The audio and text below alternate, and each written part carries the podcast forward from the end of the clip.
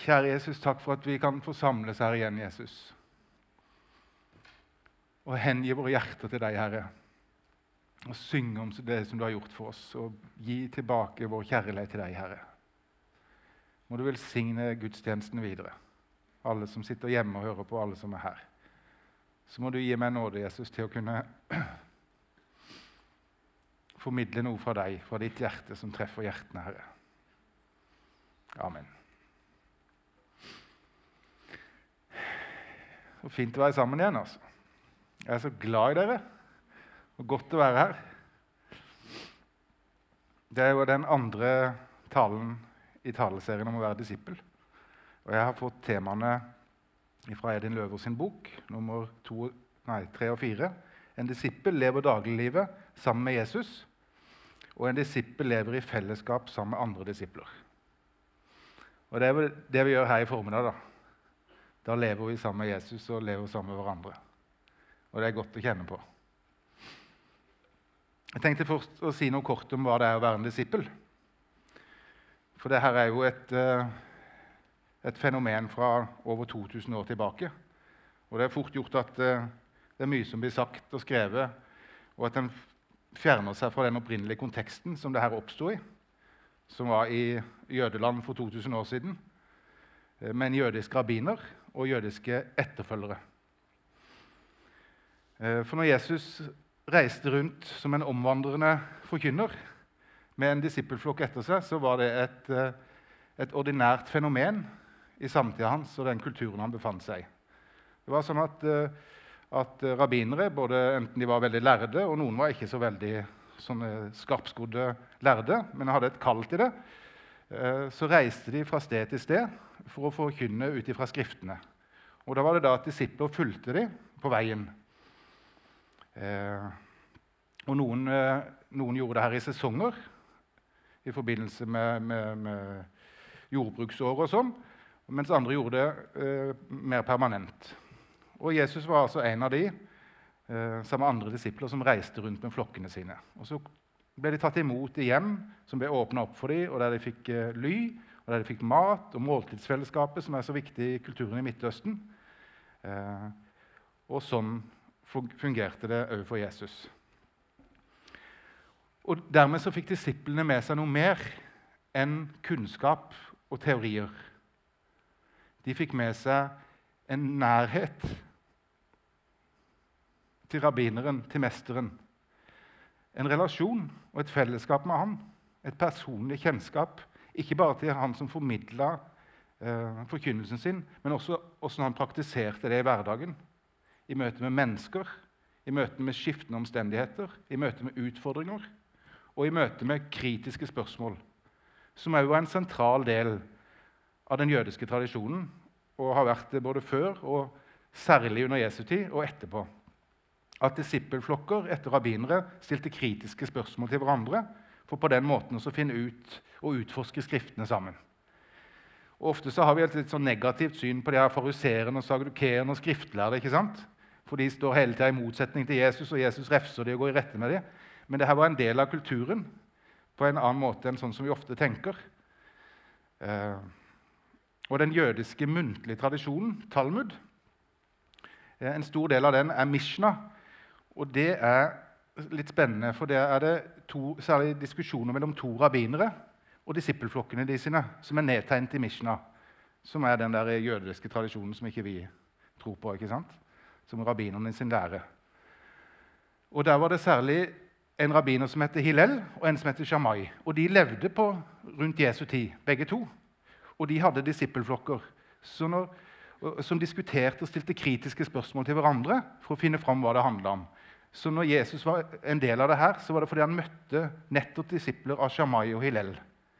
De to mest betydningsfulle rabbinerne som påvirker jødedommen enda i dag i den muntlige tradisjonen. Og de hadde felles argumentasjon fordi de, den måten de argumenterte på, skulle alltid være henta fra Skriftene. Prinsippene for tolkning av Bibelen skulle alltid vært henta fra Skriftene sjøl. Aldri fra en eller annen gresk, eller sånn, for da var det uholdbart.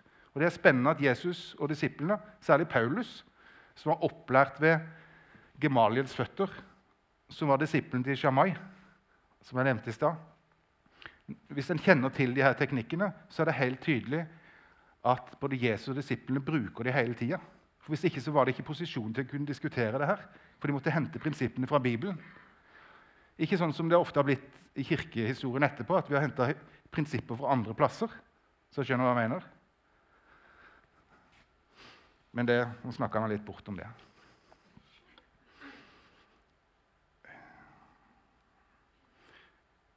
Når Edil Løvaas sier at det å være en disippel det er å leve dagliglivet sammen med Jesus, så var det i aller høyeste grad sant for disiplene.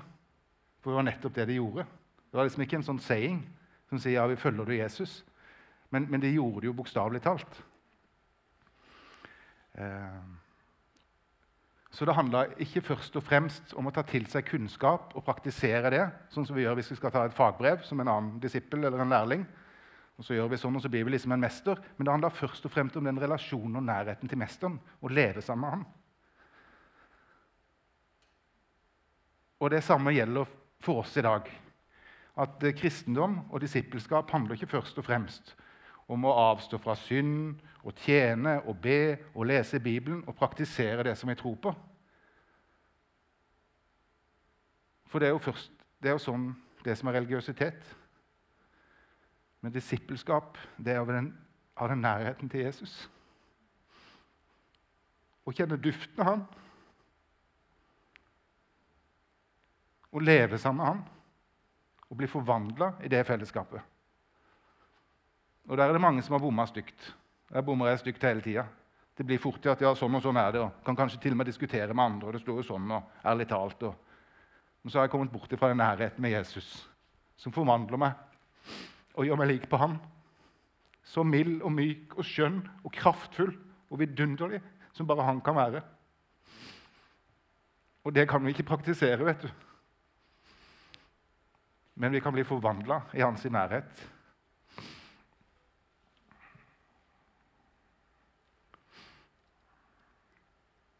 Og Her oppsto det jo et stort problem, da. for Jesus reiste jo bort. Så da satt de jo igjen med de teoriene og skulle gjøre så godt de kunne. Og vi, det står jo noen få setninger om det. Det er godt ikke de bruker så mye plass på hvor håpløse disiplene var mellom Jesu avreise og Den hellige ånds komme. Men det står jo litt, da. Så vi får med oss at det tapre forsøket De gjorde sikkert så godt de kunne. Det var, sto liksom ikke i stil til det som hendte etter pinse. da. For Jesus sa jo det, at det skal komme til dere. Så Som rabbin og som mester så er det ikke sånn at vi overlater det her teoriene, så nå skal dere gå ut i all verden. Nei, dere skal vente på å bli ikledd kraften fra det høye. Jeg skal komme til dere. Så skulle dere fortsette det, det samfunnet med han som disipler. For når jeg blir disipler av Jesus, så er det ikke sånn at tre og et halvt år læretid. Og så liksom disiplene, ja, nå, nå, kan dere lage disipler. Nei, Jesu disipler de, de, får ikke etterfølgere, men de skaper etterfølgere etter Jesus. For Jesus er nærværende iblant oss ved Den hellige ånd. Og det er jo det som er så herlig. Og uten Den hellige ånd så kan vi ikke være disipler. Langt ifra. Og det fins det mange eksempler på i mitt liv og i kirkehistorien med mennesker som har forsøkt å være disippel. Og det var jo nettopp det Jesus kritiserte fariseerne og sadukeerne for. At de hadde riktig kunnskap, men hjertene var langt borte. De hadde ikke den riktige ånden, det riktige sinnelaget. Og Han sa, gikk til med så langt at dere skal gjøre sånn som fariseerne og sadukerene sier, men ikke sånn som de gjør. For de lærte det som sto i Skriftene. Men det er mer enn bokstaver.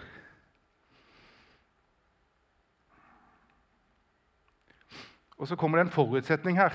For her er Jesus mer radikal enn noen kristen forkynner jeg har hørt, tror jeg. Han snakker om å gi avkall på alt. Han snakker om å dø fra seg sjøl. Han snakker om å søke Hans rike og så forlate alt det andre. At det er å være disippel. Og Det er litt sånn hard sayings, men det er ganske mye av det i Jesus' forkynnelse. Men vi forstår det med de riktige brillene. altså. Og det tror jeg de skjønte som var nær ham. For de opplevde ikke det som, som eh, Ja, de opplevde det sikkert på en god måte. Hvis ikke de gjorde det, så var det de sitt problem. altså. For han er god.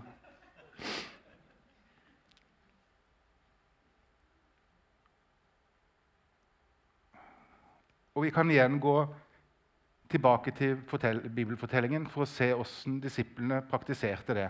Trond Vegard leste det så fint, akkurat det som er hjertet mitt. At han gikk forbi dem på stranda, og så sa han 'følg meg', og så forlot de alt og fulgte ham.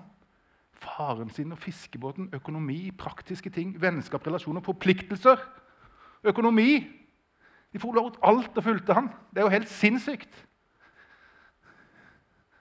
Så Jesus må ha gjort et så betydelig inntrykk på dem som ingen andre hadde gjort. For hvem gjør det?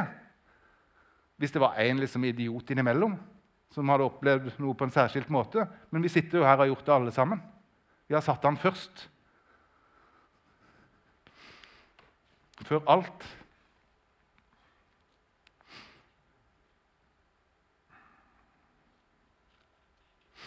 Vi kan illustrere det med å forelske seg. da. Når vi forelsker oss, så blir vi sånn. Da blir vi hodeløse. Da det liksom, det handler det ikke om Jeg husker jeg skulle skrive masteroppgave, hadde begynt å jobbe, og jeg traff Heidi. vet du. Jeg var på vei til Jerusalem for å skulle skrive masteroppgave. og hadde ordna med noen, noen, teologer der nede vet du, som akkurat midt i blinken for meg. og liksom hadde, jeg var, ah, Drømmen min gikk i oppfyllelse. Jeg skulle til Jerusalem og studere. Og så traff jeg Heidi da, med krøllene. Og jeg bare kastet alt over bordet. Jeg fikk jo nesten ikke levert masteroppgaven min engang og kom for seint på jobb. og og hun sto der og skulle si ha det når jeg skulle gå om kvelden. Jeg fikk nesten ikke lov å gå. Vi sto i gangen der nesten av og til timevis. Og skulle kline og holde rundt hverandre. Og liksom, for det var skjedd noe i livet mitt som danka ut alle det andre. Som jeg søkte først. Så det er mulig for oss alle sammen. Jeg ser de sitter her sånn i kohorter, vet du, så da vet dere hva vi snakker om. Det er jo ikke sånn vi har lyst til å være sammen med noen andre. Intimitet og og munner og, og, tunger og alt mulig. Det er jo helt håpløst. Men når vi er forelska, så er vi all in. Så det er jo en sånn type ting de her opplevde når de møtte Jesus uten sammenligning. da. Men det var noe som tok og henrev de og trollbandt de på en sånn måte at de bare gikk den veien. Eller når, kan vi se når, når vi får barn, da. Se, kona mi hun tenker bare på de ungene. Hver kveld hun er avmenneske, så hun kan legge seg ni, og jeg sitter helst oppe til to. Så ofte så legger hun seg før meg, og så sniker jeg meg inn for å legge meg inn døra, og så under dyna, og så våkner hun. Og så sier hun 'Har du sett de ungene?' Så hun tenker på de ungene mens hun sover. Hun elsker de ungene. Det handler om mat og klær og bursdager og nye skisko og på nett og hjem og handle og holder på hele tida med de ungene. Hun bare elsker det. Det er liksom ikke noe hun driver og praktiserer for å ha en teori eller et eller annet hun følger. Nei, De har vunnet hjertet sitt, vet du. Og de, så er de sånn med hun òg. 'Hallo', sier de når de kommer hjem. 'Hallo', sier mamma. Og så er 'god natt, mamma', og, og, og 'god morgen, mamma'. Det er litt med pappa òg, da. Men. Og hvis ikke mamma er hjemme, så når de ikke hører 'hallo' oppe, da, vet du, for de hører 'hallo', eller hører ingenting fordi pappa sitter med et eller annet, så kommer de opp og sier 'Hvor er mamma?' Så sier jeg 'Mamma er på butikken hun kommer hjem snart'. Ja, det er greit da. Så det er jo kjærlighet det er snakk om. Så det var det disiplene fikk oppleve. Og Jeg skal vise dere en liten filmsnutt fra en film som heter The Chosen. Som er på åtte episoder. Og Det er den første serien. Og Det er Jesus, ja, det er Jesus sitt møte med kvinnen fra Samaria. Kunne ikke preka så bra, altså. Jeg syns det var verdt å vise den.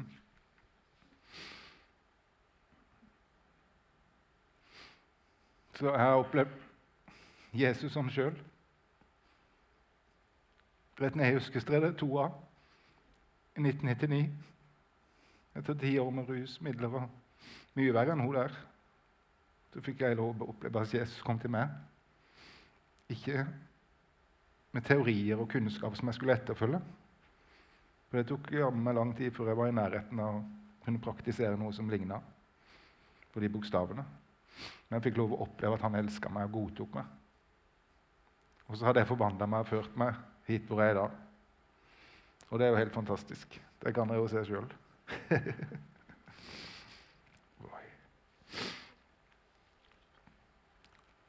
og så kan en føle, da, når en ser en sånn gråtende forkynner og ser sånne sterke scener, at en kanskje går litt i forsvar. For en har kanskje ikke opplevd det på, akkurat på den måten. Og kanskje en ikke opplever det sånn akkurat nå. nå. Men da er vi i godt selskap. For det er sånn en disippel skal ha det. For vi er ikke mester. Og Apostelen Paulus sier det sånn. Brødre, jeg tror ikke om meg selv at jeg har grepet det. Men én ting gjør jeg. Jeg glemmer det som ligger bak, og strekker meg etter det som ligger foran, og jager fram mot målet og den seierspris som Gud fra det høye har kalt oss til i Kristus Jesus. Slik skal vi se det, alle vi som har nådd modenhet. Om noen ser annerledes på noe, skal Gud gi dere klarhet også i det. La oss bare, så langt vi har kommet, holde fram i det samme spor.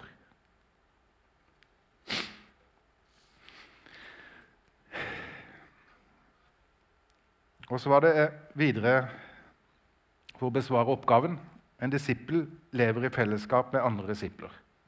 Og Jeg har vektlagt den første delen fordi at uh, uten det fellesskapet med Jesus så kan vi ikke ha noe fellesskap med hverandre. Ikke i åndelig forstand, ikke i bibelsk forstand. Vi kan ha en sosial klubb, og vi kan utøve religiøsitet og holde på tradisjoner og rutiner og ting som kan være verdifulle på menneskelig vis og gi den type gevinster og komme så langt. Men et fellesskap mellom disipler det er et fellesskap i Jesu nærhet. Og vi kan ikke være Jesu disipler uten å være en del av flokken.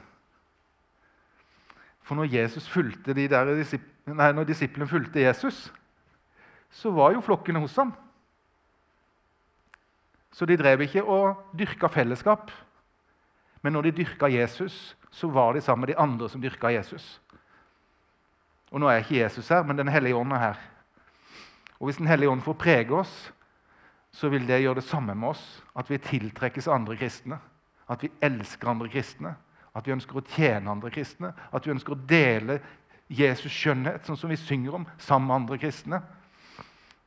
Så de er uløselig knytta til hverandre.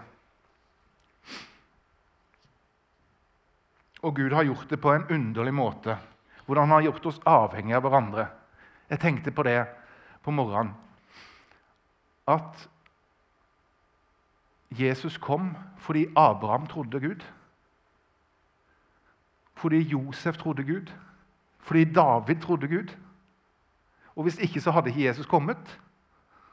Han kunne jo gjort det på en annen måte, ikke misforstå meg. Men, han, men Gud har gjort det sånn at gjennom menneskers tro og historie og steg i tro og kamp og lidelser og ny overgivelse og nærhet til Han så han forandra hele menneskets historie og, gjort oss del av hans frelsesplan. Og sånn, Jeg så et bilde en gang at i himmelen så sto alle menneskene og holdt hverandre i hendene. Så alle sto og holdt noen andre. Så ingen var, hadde vært i himmelen hadde ikke vært for at det var noen andre som hadde hjulpet dem dit. Og vi liker liksom meg og Gud og Bibelen og mine prosesser og meditasjon. eller, nei, ikke sånn, men ikke sant? Vi liker best å gjøre det på vår måte. Det er jo innmari greit for kjøttet. da, vet du. Og liksom meg og Gud, og vi har gjort det sånn, og når Jeg går inn i bønnekammeret og jeg går rundt, og nå leser jeg Bibelen og jeg har mitt bibelstudium og, og er min kirke og gjør det på min måte. og det, ikke sant? Mens, mens, mens Gud har gjort oss avhengige av hverandre. Vi får ikke del i Jesu velsignelse, får ikke del i Jesu nåde, fylden av Jesu nåde, Jesu kraft, hvis ikke vi blir en del av disippelflokken. For Jesus snakker om menigheten som en kropp der vi alle utgjør en, en del som har en funksjon som ikke den andre har. Så hvis jeg skal snekre, så trenger jeg å ringe til en snekker, for jeg kan ikke snekre. Helt håpløst. altså. Og Sånn er det i den åndelige forstand, at vi trenger hverandre. Og så står det til og med at det som er minst ubetydelig, har han gitt mest ære. For det handler aldri om vår kompetanse eller våre ferdigheter og hvor flink de var til å praktisere de teoriene. Det handler ene og alene om det hjertet. Derfor ble hun skitne menneske som hun ble ansett som. De ville ikke være sammen over brønnen engang. Derfor ble hun den budskapet som kom og førte vekkelse i Samaria. Ikke fordi hun var skriftlærd eller hadde teorier eller etterfulgte Jesus eller var rettferdig, eller hadde gode bønnetradisjoner og morgenkvisten og andakter og de riktige tinga. Men for du har hatt et levende møte med Jesus. Og det er herlig.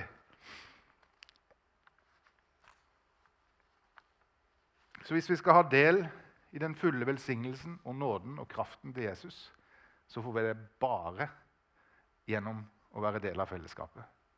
der hvor Gud har satt oss. For det står det er han som har satt det legemet sammen. Så kan ikke gjøre det heller. vet du. Jeg vil være her. Her liker jeg meg. Hun liker jeg. Nei, det er sånn. Plutselig så kommer Jesus gjennom et esel. Eller en prostituert. Eller en toller. Og så skulle han komme til de skriftlærde og lederne av Israel. Gjennom landsforrædere og urettferdige kriminelle. Tapere. Men sånn valgte Gud det. For å vise det at det handla ikke om det, om hvor flinke vi var, eller åssen vi kunne få det til. Men det handler om at det fins en Gud som elsker oss, og vi møter alle.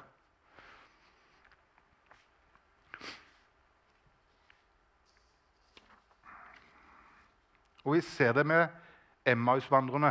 Skal jeg avslutte? Jeg tror, føler jeg har brukt opp tida mi. Emmaus-vandrerne de var en del av disippelflokken i Jerusalem. Og så var Jesus borte, og da gikk de bort fra disippelflokken. Og det er alltid sånn. Hvis vi trekker oss bort fra kristent fellesskap, så er det enten fordi vi sjøl ikke har fellesskap med Jesus, eller fordi vi ikke opplever Jesus i fellesskapet. Så de gikk bort mot Emmaus. Det var to dagsreiser ferdig med disippelflokken. Det var ikke noe vits å være der. Jesus var ikke der lenger. Kunne finne noen andre å henge med. Tilbake kanskje til relasjonene sine og livet sitt og alt det der de hadde forlatt. Sånn som Peter gikk tilbake til fiskegarna. Og så hender det at Jesus slår følge med dem på veien. Og Så åpenbarer han Skriftene, så bryter han brødet og så skjenker han det vinen. Og Så skjønner de at det er Jesus. Og det de gjør da, det er å løpe tilbake igjen til disippelflokken og så si at 'Vi har møtt han! Jesus lever!' De måtte ha noen å dele det med. vet du. De satte seg ikke ned der i lønnkammeret liksom, og tenkte hvor stort dette er. Nei, de, de, hadde et behov for å dele det. De hadde et behov for fellesskap. Sånn som ungene mine hadde, og kona mi hadde. 'Hallo! Hei, hei!' Passe på hverandre handler om. Så det lå uløselig knytta til det møtet med Jesus at de vendte tilbake til disippelflokken. Og vi ser med Maria Magdalena. Hun, Jesus var borte fra disippelflokken. Hun var sikkert ikke den mest Sikkert ikke den som fikk den beste plassen ved bordet. Nå ser de kjøttkakene hun hang sammen med. Peter og CBD-sønnen og de andre typene. Så hun var sørga ved graven da, vet du, for Jesus var borte. Og så sa, så sa Maria sånn sa Rabuni, mester. Så fikk hun et møte med Jesus, og så løp hun tilbake. Jeg har møtt han! Og jeg skal like å se at du gjør noe annet. Hvis du som Emmaus-vandrerne hadde fått erfare at Jesus på ordentlig For det er noen hellige ånd her på ordentlig. Det er liksom ikke sånn ja, som nesten som å møte Jesus. Nei, Jesus kan gjøre seg så virkelig for oss at det berører oss på en lik måte ved Den hellige ånd som kan gjøre med oss som er virkelig. Jeg skal like å se at du på din livsvei, i dine kamper og utfordringer, møter Jesus, og han åpenbarer Skriftene for deg og skjenker deg vinen og ser inn i dine øyne. og Du kjenner kjenne angen av hans pust. Og han åpenbarer seg for som Messias, at ikke du skulle ha behov for å dele det med noen. At ikke du skulle ringe til noen. At ikke du skulle formidle det. Eller som Maria Magdalena i din livs krise. Opplever noe som snur deg rundt på et øyeblikk. Og at det var noe som omgivelsene rundt deg ikke skulle få rede på eller få del i. Vi skjønner at det er helt umulig. Til og med når jeg var forelska i Heidi, så så de det på meg. Så mamma sa hva er det som har skjedd med deg. da? Tenkte jeg ikke skulle si det. Jeg har hatt så mange forelskelser. vet du, og Vente litt og se om det modner seg. Men hun så det jo lang vei. vet du. Jeg ser noen sånne jenter, vet du, unge jenter de rødmer nesten opp på nakken. vet du. De går rundt og er sånn der uh. Bare, bare en dame. Og så er det himmelens og jordens Gud. Her, han som har skapt alle ting. Han som skal gi oss i evigheten millioner av ganger alt det vi kan lengte etter å drømme om i dette livet, eller begjære eller ønske oss eller be om. Da skal han gi oss alt i evighet. Så hvis det går opp for hjertene våre, så kan du skjønne vi løper inn til byen. Så kan du skjønne vi kommer til kirka. Så kan du skjønne vi deler både til, med Gud og enhver mann om det som vi har opplevd. Og det er det Den hellige ånd kan gjøre for oss. Og det har jeg opplevd i mitt liv. Og jeg vet jeg har gjort det. For over 20 år siden så rørte han ved meg på en måte som jeg aldri kan glemme. Så har jeg aldri tvilt eller angra en liten del av et sekund. Og det er liksom ikke å, sier du det? Nei, jeg har aldri tvilt eller angra at mora mi er mora mi heller. Det er liksom, Hvorfor skal jeg det? Jeg har møtt Jesus, han rørte meg, han har forvandla meg. Og så skal vi få lov til å legge det bak. Og så skal vi strekke oss etter det som er foran. Etter mer av Jesus. Og vi fylt Han. På en sånn måte at vi søker sammen og forteller om Han til andre. Har vi tid til den siste lille filmsnutten, eller? Helst ikke. Jeg har ikke fulgt med på klokka. Skal vi ta den? Et, en tre minutter til. Jeg skal bare si Hvis du venter et sekund der For den er litt vanskeligere å forstå, så er det ikke engelsk tekst. Men det er Maria Magdalena. Og i den her The Chosen, som er en serie på åtte eller ti episoder Den første sesongen har kommet ut nå. ligger på nett. Det er en app som heter Chosen. Og nå holder de på med nye episoder. Og De fremstiller Jesus på en helt ny og vidunderlig måte som har berørt halve verden. Det var litt hardt i. Det her er Maria Magdalena, som den serien fremstiller som en fra hun var liten jente.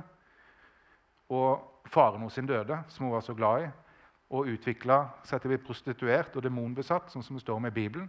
Og så er det han eldre mannen her. Det er en, eh, en jødisk rabbiner som prøver å drive ut onde ånder av henne, og som ikke lykkes. Og Så møter hun Jesus, og så er det på en måte en litt sånn oppsummering av den episoden som handler om Jesus og Maria Magdalena. Så det er tre minutter. Vi ser den før vi går til avslutning. Kjære Jesus. Takk for at du er til stede, Jesus, her og til alle tider for alle mennesker. Gi oss å få lov å erfare deg, Jesus, så vi kan få lov å leve i din nærhet som disipler. Og få lov til å delta i flokken og fellesskapet. Og få lov til å gi deg videre, Herre.